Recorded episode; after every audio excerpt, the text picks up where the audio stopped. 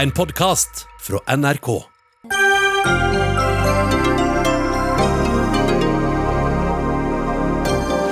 Frp snur, vil skrinlegge domstolsreformen de selv tok initiativ til. Helt utrolig er Høyres reaksjon. Utslippene er gått ned under koronakrisa, viser ny studie. Men den store klimaeffekten uteblir. Bør staten kunne saksøke personer som bevisst har villedet politiet? Det mener tidligere polititopp Hanne Kristin Rode, men Høyres Peter Frølich har tvilt seg fram til et nei. Og det er nok nå, sier Lokomotivmannsforbundet. Ber om at Norge ikke gir fra seg mer makt over jernbanepolitikken til EU.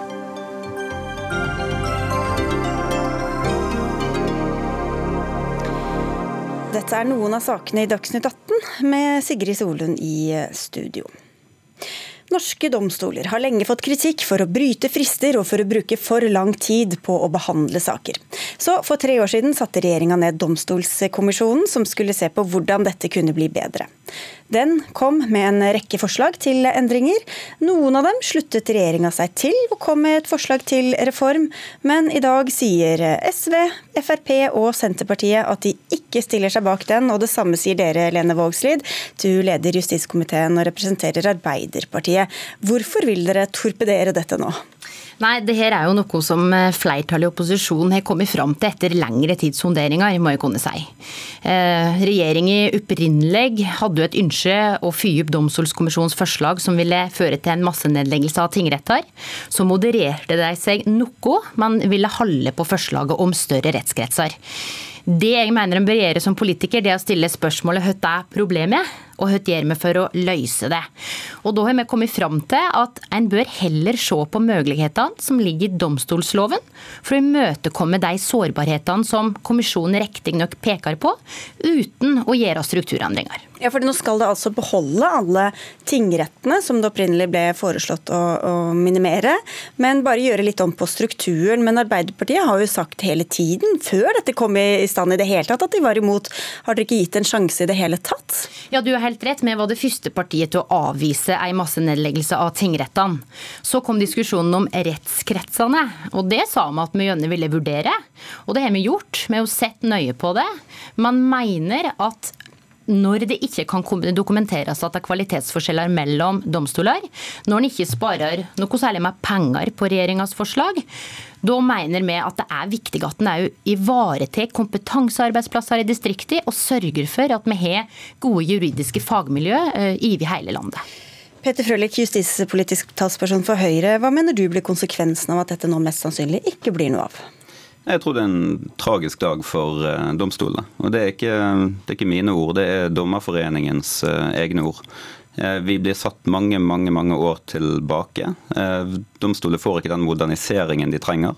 De får ikke den effektiviseringen de trenger. De får heller ikke den spesialiseringen og kvalitetsøkningen som, som, de har bedt om.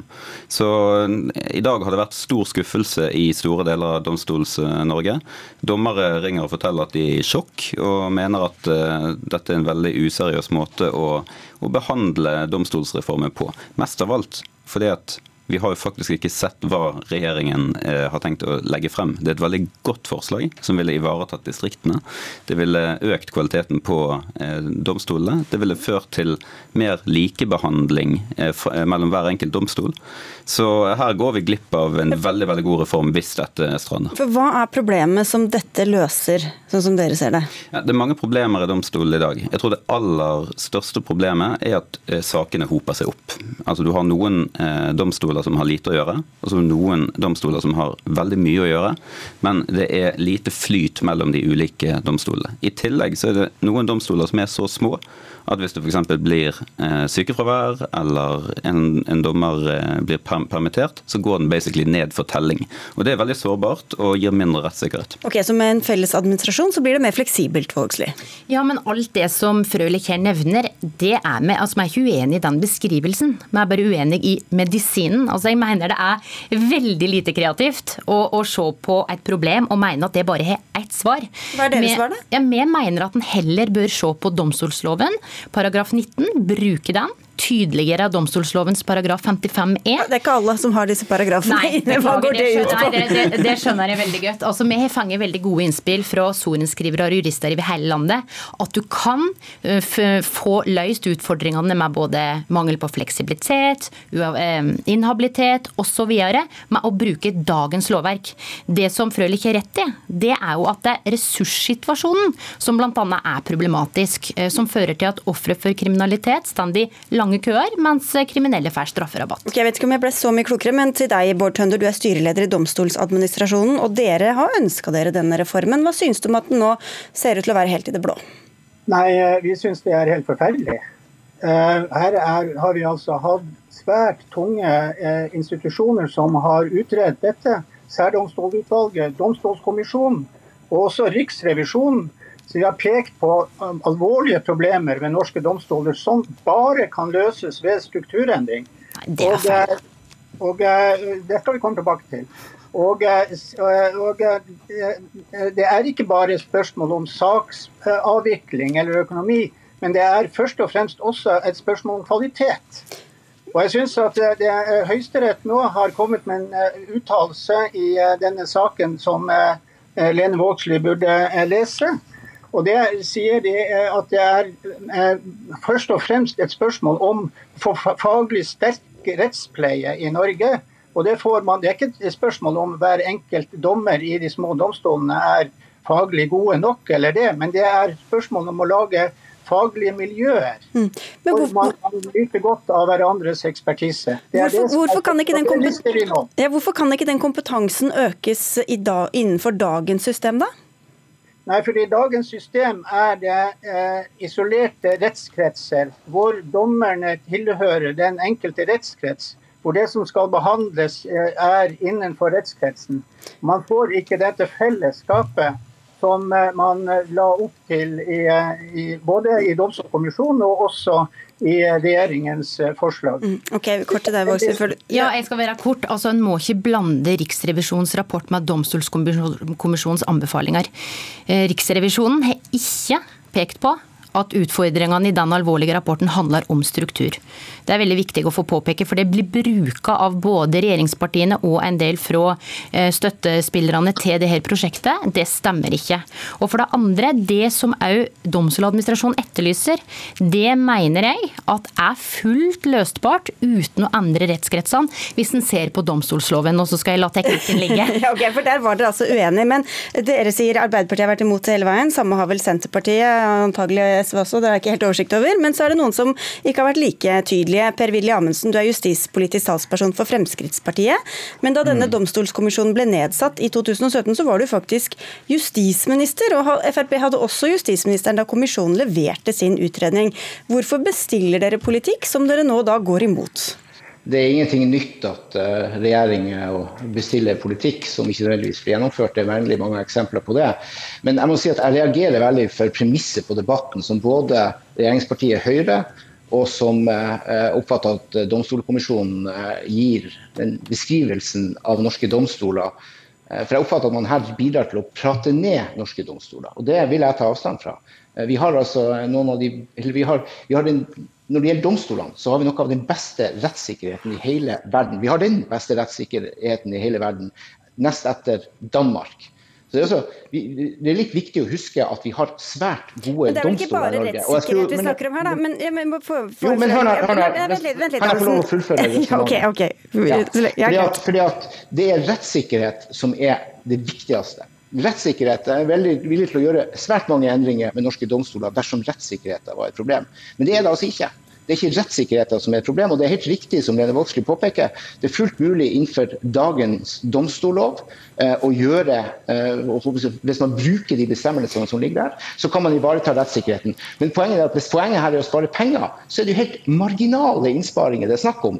Men det vil få store konsekvenser for distriktene. Det var okay, veldig mange da, da, da, norske distrikter som jubla i dag. Greit. Frølich, du uh, har vel reagert helt med vantro på at Frp her uh, har landet på dette standpunktet. Hvorfor det? Nei, det er jo rimelig spesielt. De har vært en av de sterkeste pådriverne for denne reformen. Og alle foregående justisministre, inkludert uh, Det har vært en del av dem? Ja, inkludert han som er med oss på luften her, Jeg har jo vært helt overbevist om hele veien at dette har vært nødvendig. Så det er en rimelig spesiell kuvending vi, vi er vitne til. Men vi, jeg må jo bare si at dette spørsmålet om dette gir mer eller mindre rettssikkerhet, det kan vi bare legge dødt. Ekspertene, Sivilombudsmannen, alle er tindrende klar på at strukturendringer vil gi bedre rettssikkerhet. Og vi kan ta et eksempel. Jeg vet om en, en eh, domstol nå som er så liten fordi at eh, den har to dømmende årsverk. Den ene sorenskriveren har vært vekk et år. Det sitter altså en dommerfullmektig, en ung, nyutdannet dommerfullmektig, og gjennomfører alle saker. Hvilken rettssikkerhet gir det? Hvis, jeg, jeg, tar jo for gitt at du ikke mener at rettssikkerheten var så elendig i 2017, Amundsen, men hva er det som har endra seg, da? Siden dere da gang på gang mente at det var nødvendig med endringer, og fram til nå at dere har kommet til, fram til et annet ståsted? Det, altså, vi, hvem som sier at vi har kommet til et annet ståsted? Det er nå vi har tatt stilling til de forslagene som har vært behandla. Så, så er det sånn at en regjering eh, ber om å få ting utreda. Det er helt vanlig. Og så går man videre med de utredningene, eller legger dem på is. Eh, jeg ser at regjeringa eh, som sitter nå, eh, de valgte å signalisere at de ønsker å fremme det til Stortinget. Vi har behandla det i vår stortingsgruppe og funnet ut at dette er ikke det riktige tiltaket å gjøre nå. Det er en helt ærlig politisk prosess. Og så er det altså sånn at Jeg skulle ønske at man ikke fortsatte nedsnakkinga av norske domstoler, og heller være stolt av dem.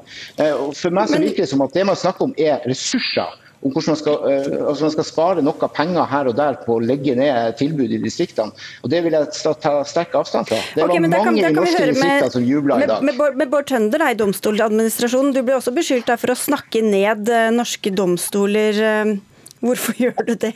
Jeg snakker ikke ned norske domstoler, men jeg erkjenner at vi har store problemer. Og vi skal inn i en fremtid nå hvor vi må finne en løsning på dette. Og nå har vi en gyllen anledning til det. Eh, når Riksrevisjonen eh, nevnes, så er det fordi de sier at det er en måte å løse dette problemet på er større fleksibilitet. Og Så kan man selvfølgelig trekke frem paragraf 19 og 55, som Lene Vågslid gjør i domstol, domstolloven. Men dette er nødløsninger. For Ingen har skjønt hva de paragrafene går ut på foreløpig. Det, det, er at man kan, man kan, få en dommer fra en annen eh, distrikt over til å hjelpe seg med, med problemer når problemene hoper seg opp. Men, men, vi må jo finne frem til en struktur som hindrer at slike problemer løser seg opp. Mm. Og Det kan vi gjøre ved å få større eh, enheter. Yep. Da får man en samlet eh, mye mer samlet ressursutnyttelse av ressursene. Og man slipper denne problemet stadig vekk med at vi får lange saksbehandlingstid. Ja, hvordan skal man få gode fagmiljøer hvis det er to stykker som sitter på ett og, og liksom har hele distriktet, Vågslid? Ja, nei, jeg syns at en har som vanlig en veldig sånn snever oppfatning av hva et godt fagmiljø er for noe. Jeg har besøkt tingretten i Volda, jeg har vært mye i Kviteseid og Notodden selvfølgelig. hvis den ene blir sjuk og man er alene igjen, så blir det vel naturligvis et ganske dårlig fagmiljø? Ja, nettopp. Og derfor så må vi gjøre det mulig å kunne eh, innkalle og dele på dommere mellom domstoler. Men hva er faren faren ved å bare ha en større paraply over de samme domstolene? Det vil jeg gjerne svare på. for Hvis det er slik at vi ikke kan dokumentere kvalitetsforskjeller, det er mulig å ivareta eh, de behovene som ligger der uten strukturendringer, slik vi mener. Da er det en tilleggsdimensjon her som høyreregjeringen ikke er opptatt av, men som Arbeiderpartiet er opptatt av, og det er kompetansearbeidsplasser i distriktene. Juridiske miljø i Hardanger, på Notodden, på Namsos, i Kvitsøy, og lista er lang. Eh, Peter Frølich sier at det er en sorgens dag. Jeg har aldri sett så mange glade ordførere så mye kake og så mye flagging rundt forbi som i dag. Dette er en gledens dag, og jeg er glad for at et flertall på Stortinget sier tydelig ifra. Ja, det er dere enige om. Den, eh, det tristeste her er jo at forslaget vi hadde klart ville vært et kjempeløft for nettopp distriktsdomstolene. Vi skulle lage spesialiserte domstoler som eh, hadde blitt mye sterkere enn eh, de er i dag. Vi skulle fått spesialiserte fagmiljøer utenfor de store byene. Alt det ligger nå i grus. Og jeg ser oppslag fra rundt rundt omkring i landet som sier at der gikk på en måte den store sjansen. Men jeg kan eh, heldigvis eh, si til alle som ønsker en modernisering av domstolene, at eh, kampen ikke er over. Eh, vi fortsetter dette arbeidet. fordi at Når Stortinget får se hva faktisk ligger i dette forslaget, så, så får de forholde seg til tyngdekreftene, til økonomien i det, til realiteten i det. Og så får de eh, si tommel opp og tommel ned når de faktisk har sett hva Men Amundsen, nå har vi holdt på med dette i noen år. Da. Du sa det ikke er uvanlig at man bestiller ting som havner i skuffen. Hvor ja. god bruk syns du det er av fellesskapets midler, egentlig? Det er ganske lurt at man styrer eh, dette landet basert på kunnskap. Og Da er det helt riktig at man sender ting, eh, at man setter ned kommisjoner, at man får til utredninger. Det er helt normalt og det er helt eh, avgjørende viktig at man gjør det i et velordna eh, samfunn som det norske. Men altså, jeg, jeg, aksepterer ikke premissene for denne debatten. fordi at man, man, man, snakker som om at det liksom ikke er rettssikkerhet i distriktene. Det er jo med respekt å melde feil. Det er veldig mange eh, andre jurister enn de som kanskje Frølich har snakka med i dag, eh, fra de store byene distriktene. Ja. Folk der ute i distriktene som gleder seg over det som skjer nå. Men, la meg få legge har sagt det, fire ganger nå. vesentlig. De største problemene de største utfordringene har vi kanskje i de største tingrettene. Ref. Oslo tingrett f.eks. Så det er ikke sånn at det er bare problemer i distriktene. Utfordringen er også likt fordelt her. Og da må vi dessverre avslutte. Um, takk skal dere ha alle fire. Lene Vågslid fra Arbeiderpartiet, Peter Frølich fra Høyre, Per-Willy Amundsen fra skal vi si støttepartiet med gåseøyne her, Fremskrittspartiet, og Bård Tønder, som altså er styreleder i Domstoladministrasjonen.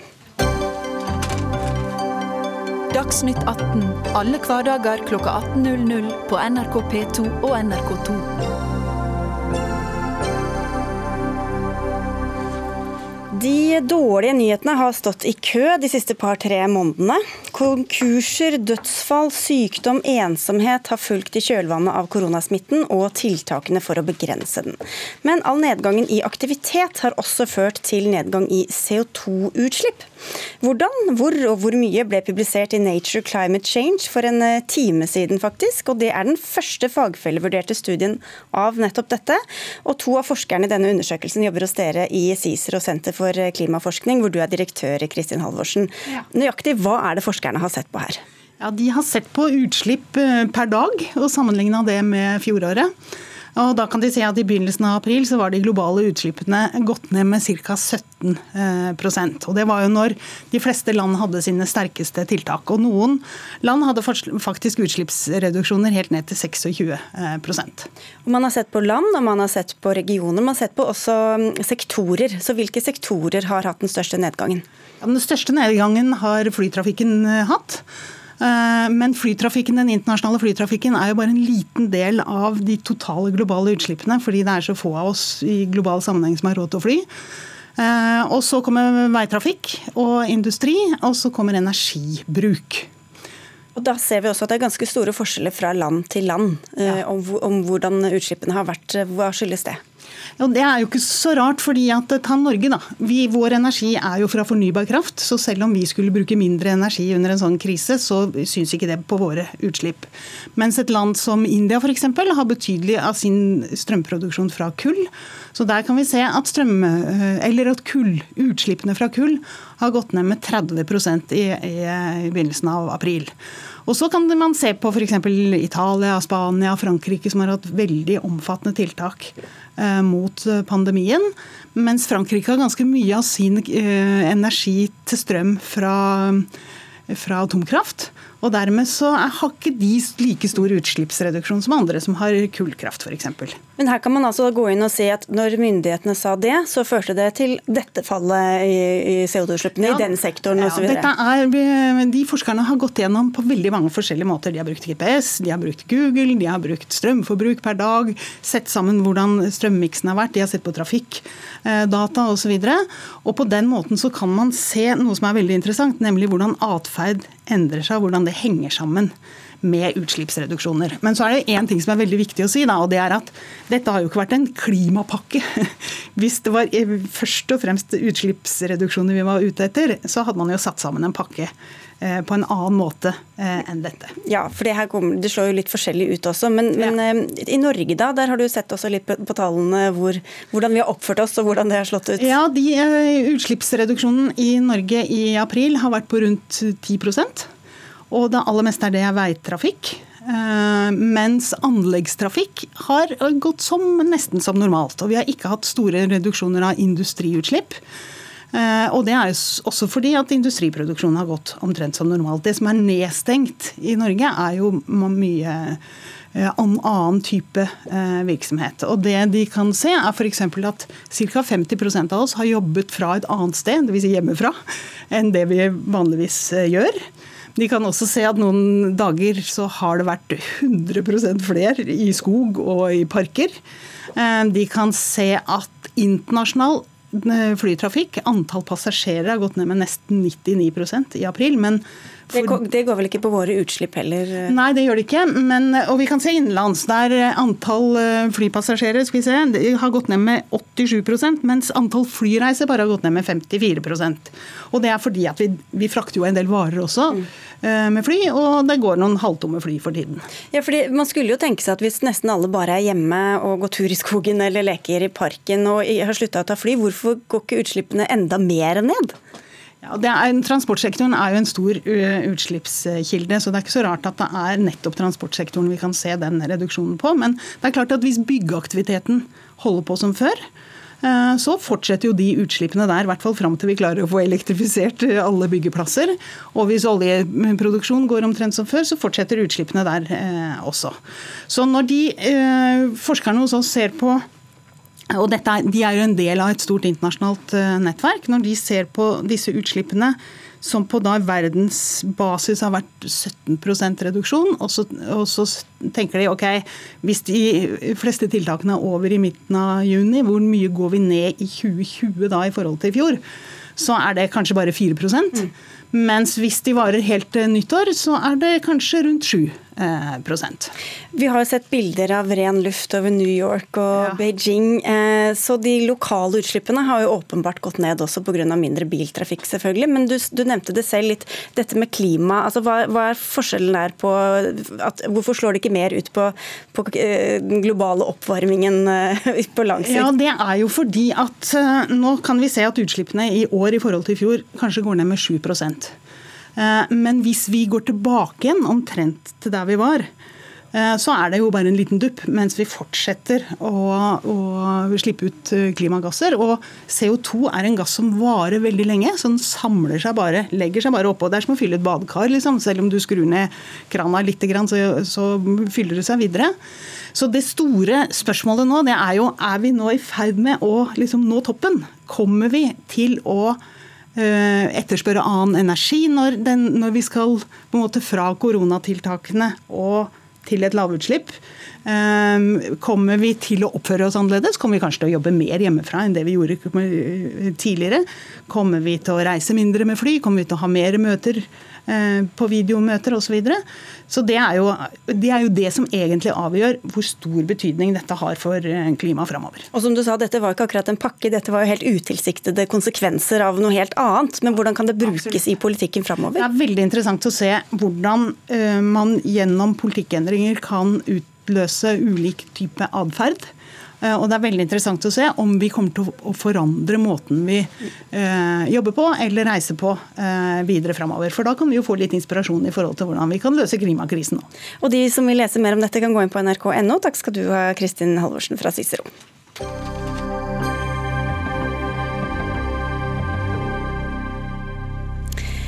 I kjølvannet av, den, av, arrestasjonen av den drapssiktede Tom Hagen ble det stilt et eh, prinsipielt spørsmål i NRK Ukeslutt. Bør staten kunne saksøke personer som bevisst har villedet politiet? I så fall kan jo politiet få tilbake penger de har brukt på en etterforskning som viste seg å være et villet blindspor.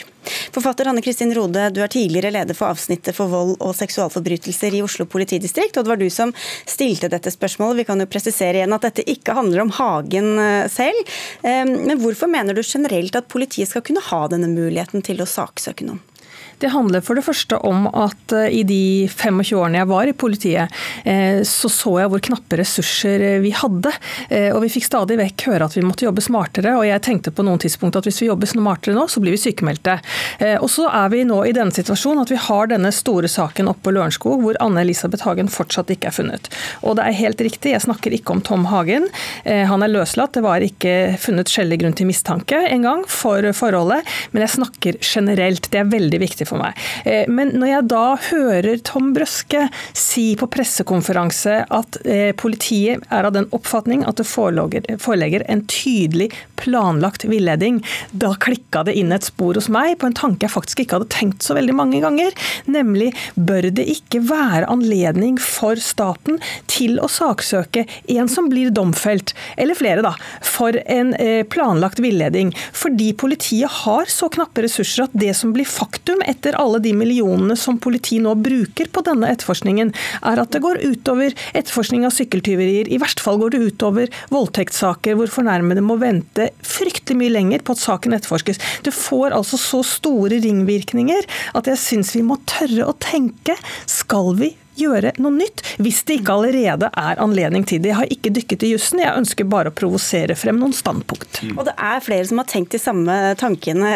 Velkommen tilbake til deg, Peter Christian Frølich fra Høyre, fortsatt jurist og nestleder i, andre nestleder i justiskomiteen. Du, du grubla på det samme på den samme tida, men du landa litt annerledes. Hvorfor det? Det var veldig lenge sånn at jeg var helt enig. Eh, fordi jeg tror jeg som veldig mange andre kjenner på en liksom frustrasjon over tanken eh, på at noen liksom lurer hele samfunnet, lurer politiet, har masse penger og påfører oss store kostnader og sånn.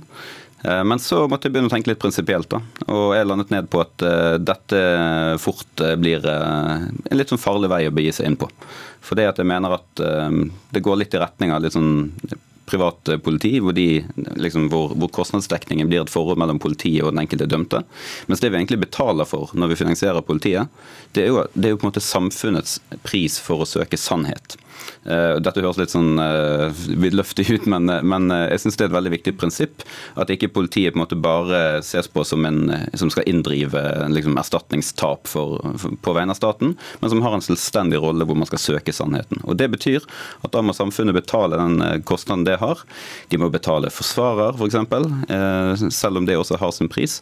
Uh, og Det tror jeg er et system som er verdt å bevare. Ok, Så du rokker ved noen viktige prinsipper i rettsstaten, hører vi her, Rode? Ja, jeg er ikke helt sikker på om det trenger å gjøre det. fordi at Vi kan se for oss at det er regjeringsadvokaten som tar stilling til om, saker, om staten skal være part i et sånt søksmål. Og Da vil politiet bli stilt helt utenfor. Det eneste politiet skal levere da, er premissene, hva som er funnet i etterforskningen og hvor mye penger som er brukt.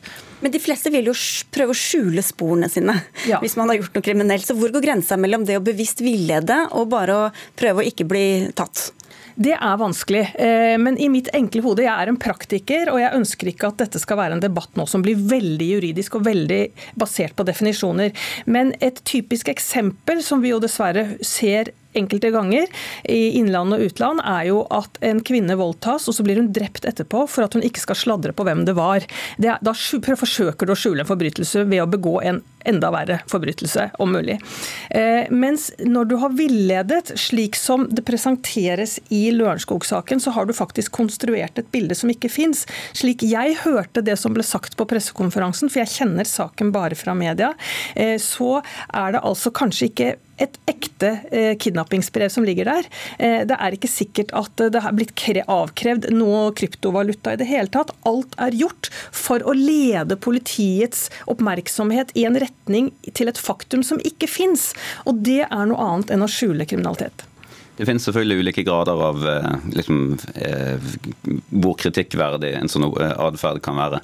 Men det som, er, det som, jeg frykter mest her, det er at en av de mest fundamentale rettighetene vi har, blir satt under press. Og Det heter på veldig fint vernet mot selvinkriminering. og Det krever sikkert en, en liksom, Jeg skal forsøke å forklare det enkelt. og Det er at man ikke trenger å bidra til egen domfellelse.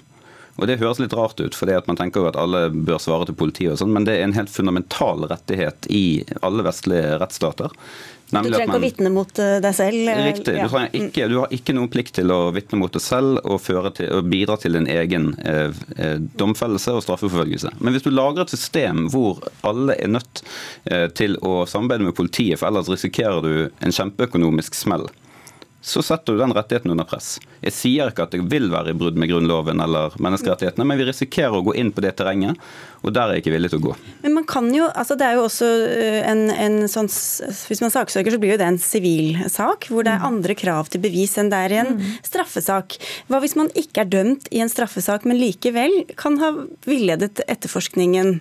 Da ville det nok aldri bli aktuelt. Og jeg hører hva du sier, og jeg er selvfølgelig ikke på noen måte overhodet ikke interessert i at man skal rokke rokke ved eh, prinsippet om at man ikke skal eh, trenge å inkriminere seg selv. Eh, det er politiet som skal gjøre jobben. Det er politiet som skal lete frem bevis både til gunst og til ugunst for mistenkte, siktede, tiltalte. Politiet kan til og med både frafalle og påstå frifinnelse hvis man i rettssalen ser at faktum blir et annet enn det politiet trodde når man var kommet til tiltale og til bevisførsel. Så det må jo for enhver pris stå. Men så er det da elementet som denne saken viser, kanskje for aller første gang i Norge, hvor jeg syns at vi må prøve å lete i kroker og kriker. Bør vi ha en paragraf? Og det skal selvfølgelig ikke være aktuelt med et slikt søksmål, med mindre man har en dom for domfellelse. Mm. Og det skal ikke ha noe å si om man er milliardær eller om man er lut fattig. Er man ikke søkegod, så okay, vil det ikke bli noe penger. Så det er de faktiske uh, utgiftene som man skal uh, søke å få ja, altså betalt, skal, ikke en slags bot eller uh... Nei, det er de faktiske utgiftene. Mm. Det finnes faktisk en paragraf eh, som åpner for at man kan betale saksomkostninger. Eh, den er heldigvis praktisert veldig begrenset, og det er jo da min linje. Jeg ønsker å videreføre den veldig begrensede linjen. Så i straffesaker i dag så er vel gjennomsnittet av saksomkostninger som ilegges den dømte, jeg tror det er rundt 3000-4000 kroner. Og jeg tror rekorden i Norge er 100 000 men det var en rettssak som varte i en måned. Mm. Vi snakker om relativt beskjeden praktisering av dette, og det mener jeg vi bør fortsette med. Men, og, ja. men mens du satt og drodla på det, så fant du også en annen sak fra et annet land som eh, var i de samme banene? ja, det er riktig. Nå blir det veldig nerdete her, men det, det, får bare være. Det, var fra England. Eh, der er, der er noen praksis rundt oss som eh, viser at det går an å gå inn på den veien. Og jeg avviser ikke at de kan ha rett. Det er sikkert mye klokere hoder enn meg som har tenkt gjennom dette, men jeg mener vi skal være litt forsiktige med det fine systemet vi har, og eh, verne om de grunnleggende rettsstatsverdiene som vi tross alt har bygget systemet vårt på. Jeg tror i hvert fall vi skal eh, tenke også på folk flest. Eh, den eller de som da antas å ha drept Anne Elisabeth Hagen, eh, har påført etterforskningen store utgifter som går utover oss andre. Vi fikk i hvert fall reist spørsmålene, så får vi si takk til jusshjørnet her i denne omgang, begge to. Hanne Kristin Rode og Peter Christian Frølich.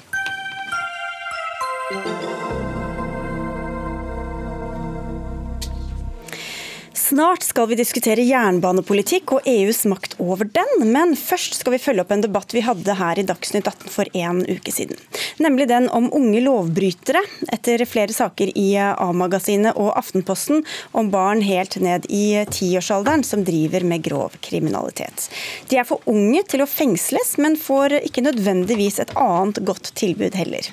Men det tilbudet finnes, skriver du og noen kolleger i et innlegg i Dagbladet i dag, Bernadette Christensen, fagdirektør direktør i NUBU, altså Nasjonalt utviklingssenter for barn og unge.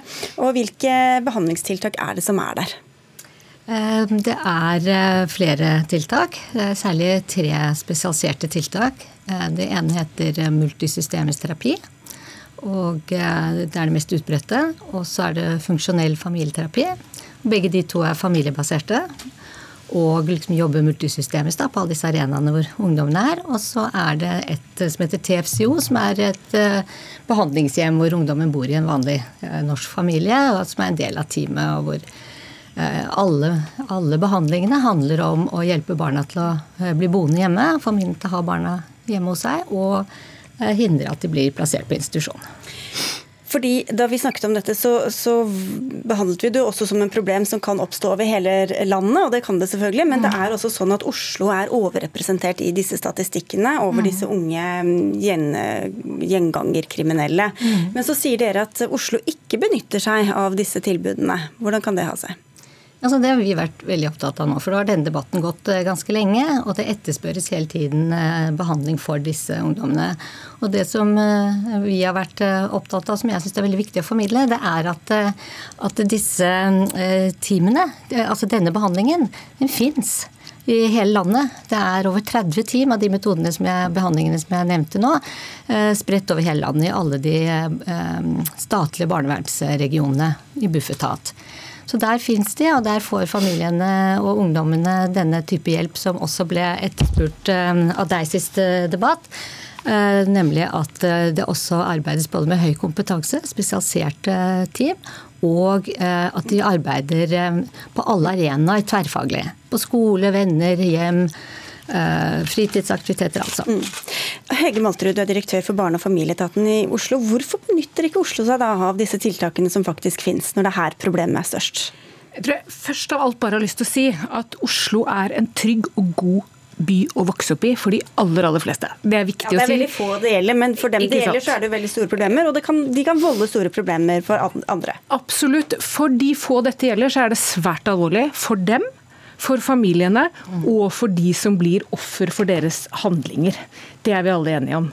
Eh, det er en historie bak hvorfor eh, Barne- og familieetaten i sin tid avviklet eh, det multisystemiske terapeutiske tilbudet i Oslo. Vi har jo siden det bl.a. blitt utfordret av Barneombudet på at det er hull i tiltaksviften i Oslo. Så det gjør vi noe med nå. Vi bygger opp et, eh, et eh, tiltak for akkurat denne gruppa, bestående av tre komponenter. Kartleggingstilbud, eh, et institusjonstilbud og et hjelpetiltak i hjemmetilbud. Mm. Og, der, og det har jeg lyst til å si, der samarbeider vi med tunge kunnskapsmiljøer. Vi samarbeider bare ikke med NUBU. Og det tenker jeg kanskje bare er en berikelse. At vi bygger opp andre eh, tilbud og andre metoder i dette landet enn bare én måte å jobbe på. Vi skal høre fra deg, barneombud. Eh, velkommen tilbake til deg. Du skrev altså, som vi var inne på litt her, eh, et brev til Oslo kommune der de konkluderte med at, eller dere gjorde, at Oslo kommune mangler treffsikre tiltak for disse unge lovbryterne. Inga Beiering. Hva var det som fikk dere til å skrive det brevet, da? Vi har vært interessert i Oslo kommune, ikke fordi at vi normalt går etter kommuner, men at hvis ikke Oslo klarer å løse de utfordringene de har med ungdom som begår kriminalitet, så får det nasjonale føringer. Med en gang vi får overskrifter fra Oslo, så kommer det en justisminister på banen og snakker om strengere straffer og at vi kanskje må ha flere fengselsplasser. Så Det Oslo gjør, det får stor ringvirkninger for, for, resten av landet. Derfor har vi gått til Oslo. Vi har altså da sett at Oslo kommune dessverre ikke har hatt gode nok, eh, tunge, kunnskapsbaserte hjelpetiltak som det har vært mulig å sette inn i de familiene hvor det er barn som har sammensatte og komplekse problemer. Og Det har vi svart kommunen med, og vi stusser også over at de ikke har mer standardiserte forløp. Eh, og selv om man har standardiserte forløp, så kan man ta individuelle tilpasninger til det enkelte barn. Men man kan ikke finne opp, finne opp kruttet hver gang man står overfor en utfordring. For da, det kan ta altfor lang tid og blir ikke bra nok. Så Det må ligge noen rammer der. Men jeg er veldig glad at det hører nå at Oslo kommune tar tak i dette. Det er jeg veldig veldig glad for. Det er jo noe av målet med å ha et barneombud. er jo å si når ting ikke fungerer. Så det, det er jeg veldig glad for. Og, og jeg vil bare si det at Oslo kommune med sin tilgang på arbeidskraft, tilgang på psykologer, tilgang på forskningsmiljø, de skulle vært en spydspiss, de burde vært de beste i landet, sånn at resten av landet kan lære av dette. Og sånn har det dessverre ikke ja, for Når vi snakker om ting, så jo, får vi ofte høre at ja, men nå skjer det noe. Men da er det jo altså tilbake til 2012 at man har gått bort fra disse tiltakene. Hvorfor har man latt dette utvikle seg da over så mange år? Årsaken til at man gikk vekk fra eh, MST, som det heter, i sin tid, altså i 2012, er eh, i hovedsak fordi bydelene ikke etterspurte det. Eh, I Oslo så er finansieringsmodellen sånn at bydelene betaler, hele, eh, altså betaler hele prisen. og Det betyr at hvis bydelene ikke ønsker tiltakene Barne- og familieetaten har, så må vi legge de ned. Men da kanskje de ikke gjorde det fordi de ikke hadde råd til det, f.eks.? De tok seg ikke råd til å sende en ungdom på det som jeg vil anta er et ganske kostbart opplegg? Og Det er noe av eh, det vi undersøker nå. Og Bystyret i Oslo har jo nettopp derfor bedt om en helhetlig gjennomgang av både organiseringen og finansieringsmodellen for barnevernet i Oslo.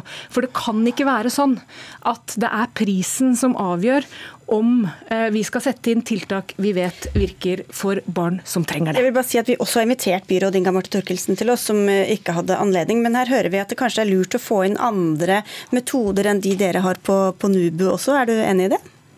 Nei, jeg synes at når Norske myndigheter har satset på dette i 20 år, og det er bygget opp over hele landet. Og det er en organisasjon rundt dette her, både i forhold til å støtte organisasjonen Bufetat med å opprette disse teamene. Det er opplæring, det er hjelp til å rekruttere de riktige fagfolkene.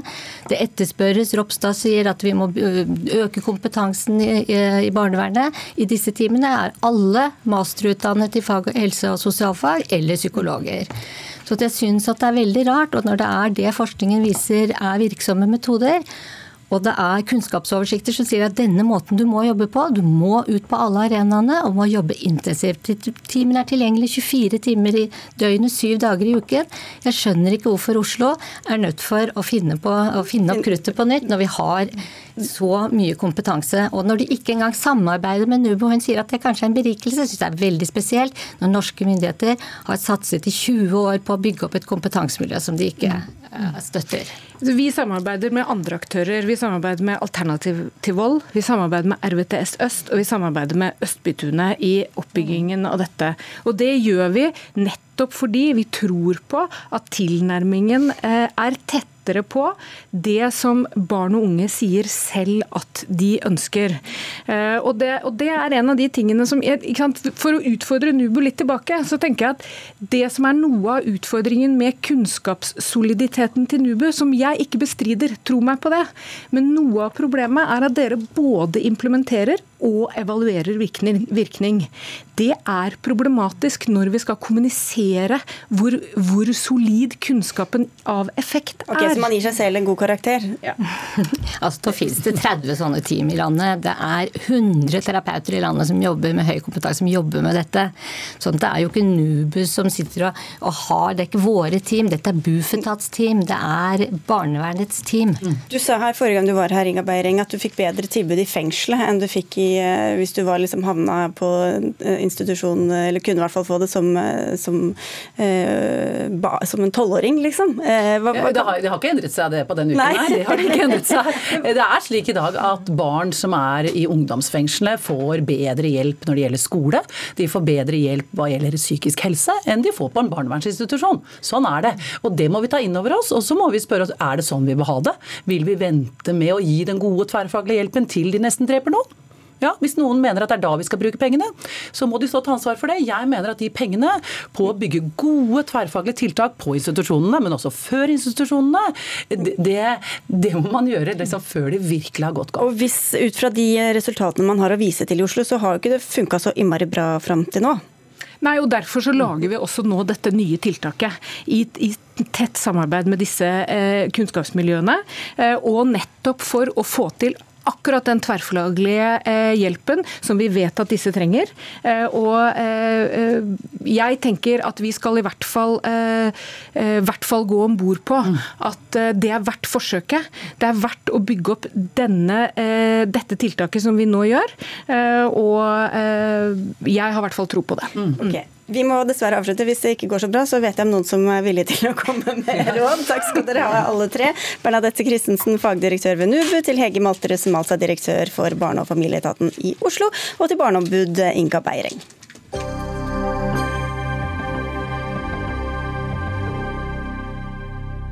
De siste tiårene har Norge innført tre av EUs jernbanepakker. Det har medført mer konkurranse, flere aktører som SJ og Go-Ahead på norske strekninger, og nå ber samferdselsminister Knut Arild Hareide Stortinget om pakke nummer fire.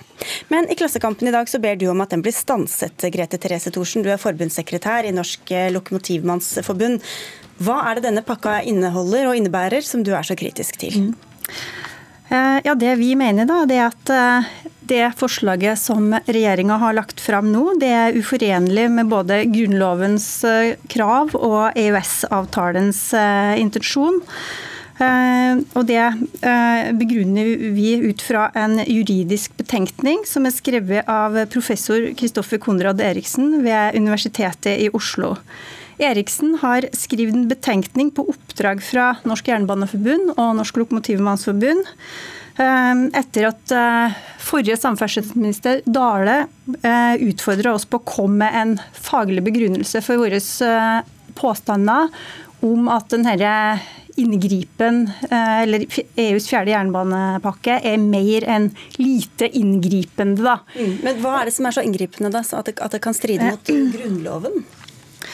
Eh, det, det, som eh, skjer, det er at du avgir myndighet, eller forvaltningsmyndighet over sikkerhetsområdet på jernbanen til EUs eh, e jernbanebyrå ERA. Og du vil, gi, og du vil lette EU-domstolen være siste ankeinstans. Og, det, og sikkerhet, hva er det? Skinner og sånn? Ja, det, det, handler, det handler mye. Det, det, handler både om eh, infrastruktur, sikkerhetssystemer, det handler om togmateriellet. Eh, det handler om, eh, om veldig mange ting. Mm. Jernbanen i Europa den er den er veldig lite standardisert. og Derfor har man også ulike sikkerhetsregler i de ulike landene. og Det er jo det som gjør jernbanen trygg, at sikkerhetsreglene er tilpassa den jernbaneinfrastrukturen og de systemene som, som den handler om. da. Ok, Men i sum mer makt til EU og mindre makt til oss, da, ut fra det du sier. Og Verken for samferdselsminister Knut Arild Hareide eller noen av hans statssekretærer hadde anledning til å komme, men det er veldig fint å ha deg her, Ola Elvestuen. Du er stortingsrepresentant for regjeringspartiet Venstre. Hva sier du til disse innvendingene at, at det til og med kan stride mot Grunnloven? Det er jo en juridisk vurdering. Jeg forholder meg jo til Samferdselsdepartementet, og deres juridiske vurdering er at den myndighetsoverføring den er, den er av teknisk, og på teknisk art og på begrensa område, og at dette er derfor et direktiv som eh, kan vedtas av Stortinget, og med et enkelt flertall i Stortinget. Så, så der, der, er det jo en juridisk da uenighet, og jeg forholder meg til det Men til, til politikken da, Hvor mye mener du at Norge mener, kan få bestemme over Så mener jeg at det er et godt direktiv, ja. Eh, og at dette er med på å legge til rette for en bedre jernbane. Det gjør det, gjør det ellers i Europa, det gjør det også i Norge. Du, får et enklere system, du får et mer enhetlig system, i stedet for at du har ulike regler i de ulike landene, og legger derfor bedre til rette for at du får en, en bedre jernbane på tvers av landegrensen. Men det er helt stikk i strid med hva du skriver i dag, Thorsen, også, for du minner om uh, tidligere tider hvor man lett kunne kjøpe billett fra Flom til Firenze, som du bl.a. skriver. Nå er det for mange som skal ut og kjøre jernbane i Europa en eh, litt vanskelig tilgjengelig jungel. Hvor mye mener du at EUs og EU, disse jernbanepakkene har hatt å si for, for den utviklinga? Ja, det, det, vi ser etter tre av EUs eh, e eh, jernbanepakker, det er jo at jernbanen har blitt veldig mye mer oppstykka. Det er hundrevis av selskaper som konkurrerer med hverandre om å lage et helhetlig system.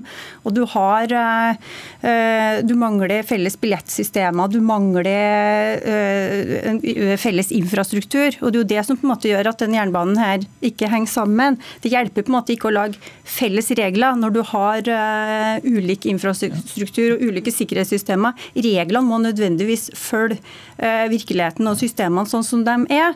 Så, så før du på en måte kan begynne å fjerne eh, regelhindringer, så må du jo fjerne eh, eller gjøre noe med de praktiske og tekniske hindringene som, som gjør at du, du, ikke får til denne sammenhengen på, på jernbanen. Ja, men jeg mener jo dette går, må gå parallelt. og så er det jo, Hvis du ser land etter land, enten det er Sverige, Storbritannia og annet, så er det jo flere reisende nå, og det går flere tog enn noen gang tidligere. og Det gjør jo også i Norge, på, bak, på bakgrunn også av de, eh, på de pakkene, men først og fremst for den politikken som føres. Hvis du skal ta tog til Spania, så lykke til med å finne billetter fra ja, er du, nå er vi jo, Jeg tilhører jo denne interrail-generasjonen og har tatt tog til Spania ja, flere ganger. og Det går også fint an å gjøre i dag.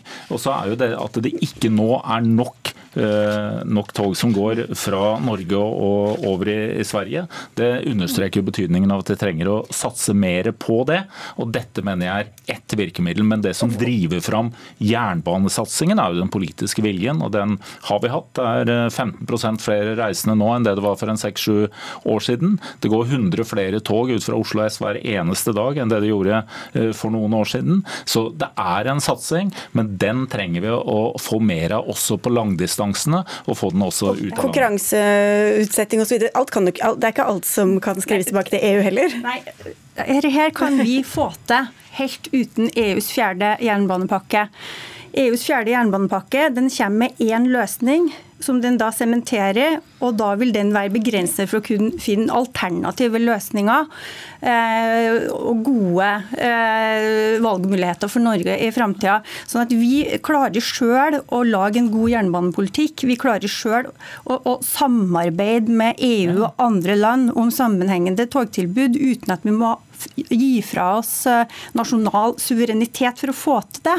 Ja, for, det, for det vil jo, eh, Hvis vi gir fra oss den suvereniteten så vil vi ikke i framtida kunne velge andre alternativer hvis vi ser at oi nei, nå må vi justere på på noe av vår politikk, for den fungerer ikke så godt her i Norge. Hvorfor er dette den beste løsningen i praksis, Elvestuen? Tvert imot så mener jeg at som veldig mange EU-direktiv, så gir de stor frihet til å ha eh, nasjonale tilpasninger. Det gjør også dette. Vi har full kontroll på hvordan vi skal organisere det tilbudet vi skal ha, eh, og, og også der, hvilke anbudssystemer vi skal bruke etc. Vi kan legge mye regler inn i det. Og det er Jernbanetilsynet som også fortsatt skal føre, føre eh, tilsyn. Så Det dette handler om, handler om at å ha et enhetlig system. Jeg ser ikke noe stor forskjell på dette. At dette vil også være utviklet i utvikling over tid. Akkurat som vi har felles regel på veitransport og godkjenning av biler. Akkurat som det er felles regler også innenfor flytransport, som utvikles over tid. Men det gjøres en, på et europeisk nivå for å få en bedre effekt. Dette vil jo ikke gi oss noe felles system, for jernbane det er hardware. Det er ikke, du, du får ikke et felles system med å lage egentlig med å fjerne regelverk. Det er jo det man gjør her. Man, man bare tar vekk regelverk for at det skal bli lettere å, å på en måte få tillatelse til å, å, komme inn på, på, norske skinner. Det er det veldig viktig at vi bestemmer sjøl. Og, og, og, da kan vi jo sjøl bestemme. Ja, alle får komme hit og kjøre tog, men det, vi må ha handa på rattet sjøl her. Det er det vi ber om. Og vi syns det er prisen vi betaler da, for å få en jernbanepolitikk vi faktisk kan, vi kan bestemme vi kan, vi kan bestemme å ha identisk jernbanepolitikk med EU. vi mm. i Norge, hvis det er det vi ønsker. Og det er jo egentlig det dere, dere ønsker, og det har dere jo allerede fått gjennom.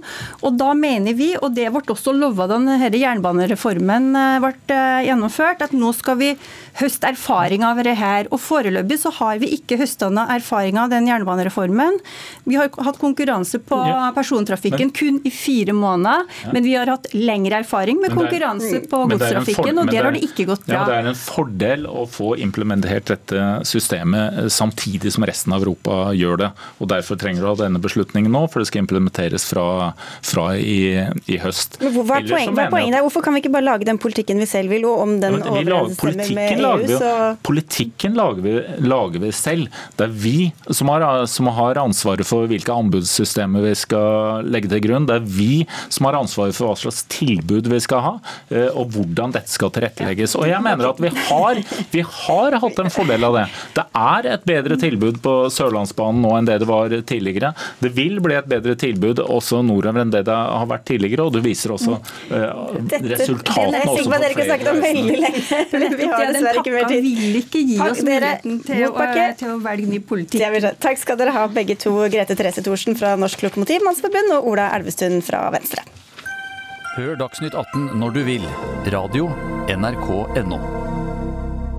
I løpet av de siste månedene har vi i Dagsnytt 18 diskutert utvidede åpningstider for Vinmonopolet, alkoholservering på fotballkamper, øl levert rett hjem på døra. Nå åpner Høyre også å gi den økende mengden mikro- og håndverksbryggerier sjansen til å selge sterkøl til privatpersoner. I dag får ikke småskalabryggerier selge øl med mer enn 4,7% til andre enn Vinmonopolet, men i forbindelse med programarbeidet hos dere i Høyre vil, dere, eller vil du i hvert fall gjøre om på dette, Korstein Eidem Løvaas, og hvorfor vil du det? Det er fordi dette handler om eh, norsk eh, håndverk, det handler om norsk kultur og norsk eh, tradisjon. Vi har brygget øl siden bronsealderen. Det er en av de håndverkene vi har drevet lengst med i Norge. Og jeg syns det er naturlig at de små bryggeriene, som ofte sysselsetter en to, tre, fire personer, hvor de som jobber der gjør alt selv, at de også får lov å ikke bare vise frem håndverket sitt, men også selge produktet til de som stikker De kan selge til Vinmonopolet, så kan man gå og kjøpe det der? De kan absolutt selge til Vinmonopolet, og de får også lov til å gi smaksprøver til de som er innom. Men hvis du da liker det du smaker, så får du ikke lov å kjøpe deg et par flasker hjem. Og jeg syns eh, det hadde vært et, eh, et, godt håndslag i en vanskelig tid for norsk næringsliv, å la mikrobryggeriene få lov også å selge privat til forbruker. Stortingsrepresentant for Senterpartiet Kjersti Toppe, dere er skeptiske. Er det alt som lukter av liberalisering som eh, får bussen til å reise seg? Altså, vi, vi, har ikke behandla akkurat dette forslaget, men Stortinget behandla et forslag i 2015. Men det var det å la eh, dagligvarebutikkene få selge sterkøl. Og da stemte jo eh, alle ned, inkludert Høyre, men utenom Venstre, vel, som var forslagsstiller den gangen. Eh, men eh, dette er jo et eh, kjent forslag som blir eh, tatt opp igjen, og det er jo òg vurdert tidligere. vi har jo tillatt at mikrobryggeri, gårdsbryggeri, kan selge sider. Men da var det gjort en juridisk vurdering, og da svarte jo Høyre sitt departement til Stortinget at det var faktisk i strid med EØS-avtalen å åpne opp for at disse mikrobryggeriene Men hvis vi lar det juridiske ligge, hva, hva synes mm. som tanken bare på at man skal kunne gå inn, smake, kjøpe med seg to flasker hjem? Jo, altså, Det som er problemet, det er jo at vi får stadig små forslag eh, som er i liberaliserende retning, som i sum kan svekke Vinmonopolets rolle. Og må huske at vi har et unntak eh, fra eh, EØS-avtalen om å ha et vinmonopol. og Da kan ikke vi gradvis svekke Vinmonopolets si, si rolle. og Det er jo det, er det som er imot eh, dette forslaget, at det vil være med å uthule eh, vinmonopolordningen, fordi at det er i strid med EØS-avtalen vår. At det kommer eh, gradvise endringer og gradvise forslag, er jo fordi samfunnet endrer seg gradvis. Eh, og Man kan dessverre ikke bare eh, konservere en politikk og si at sånn vil vi ha det. Men det er viktig å understreke at også Høyre ønsker å beholde Vinmonopolet, og ønsker ikke å gjøre ting som utfordrer Vinmonopolet som sådan. Vinmonopolet i dag er jo et rent salgsmonopol. Og det å ha sterkøl i butikk, som Toppe var inne på, det er jo noe vi så langt har sagt nei til. For det blir så store volum at det vil utfordre Vinmonopolet. Men du er vel enig i at dette svekker Vinmonopolet, selv om det bare gjør det bitte litt? Ja, altså Rent teoretisk kan du si at det da er en bitte liten svekking, men jeg tror ikke det er en svekking som vil ha noen betydning. og Jeg tror heller det er eh, riktigere at vi her har både håndverksperspektivet og eh, verdiskapingsperspektivet. Det er typisk vinmonopol i Toppes, nei, unnskyld, mikrobryggeri i Toppes eget hjemdistrikt. Fire ansatte. Lysefjorden mikrobryggeri. Eh, er en liten, søt håndverksbedrift som jobber nesten døgnet rundt. og Hvis de kan få det enda litt enklere å drive butikk, så, så tror jeg det hadde blitt ble veldig redd for at dette er alkoholreklame reklame, men som dere sitter på Stortinget, så er det ja, det får gjøre det. Men fordi, som du selv nevnte, altså, det har jo vært åpna for mm. gårdsutsalg av, av sider og sånn. Hvor mye har det mm. svekket Vinmonopolet? Mm. Nei, altså vi, vi, vet jo ikke. Eh, det har ikke blitt gjort ordentlige utredninger av eh, akkurat det.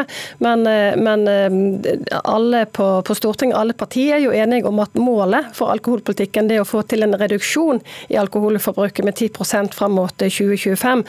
Så, så, så, det er jo viktig at vi stiller spørsmål om disse endringene i sum fører til at vi når målet vårt. For ellers må jo vi være ærlige på at det er faktisk ikke et mål lenger. Men jeg må bare få si at Eh, en avfeier dette her med at det er i strid med avtalen, men det er jo poenget eh, når det er Høyre som foreslår det, og når Høyre eh, har fått til en juridisk gjennomgang som sier at dette her er, vil ikke være mulig med EØS-avtalen. Nå er ikke Senterpartiet for EØS-avtalen, så vi har, jo den, vi har jo den geniale løsningen på Høyre sitt forslag. Det er jo å fjerne EØS-avtalen, og så kunne vi fått, fått til dette her. Så dere er for det hvis det er, ikke har EØS-avtalen?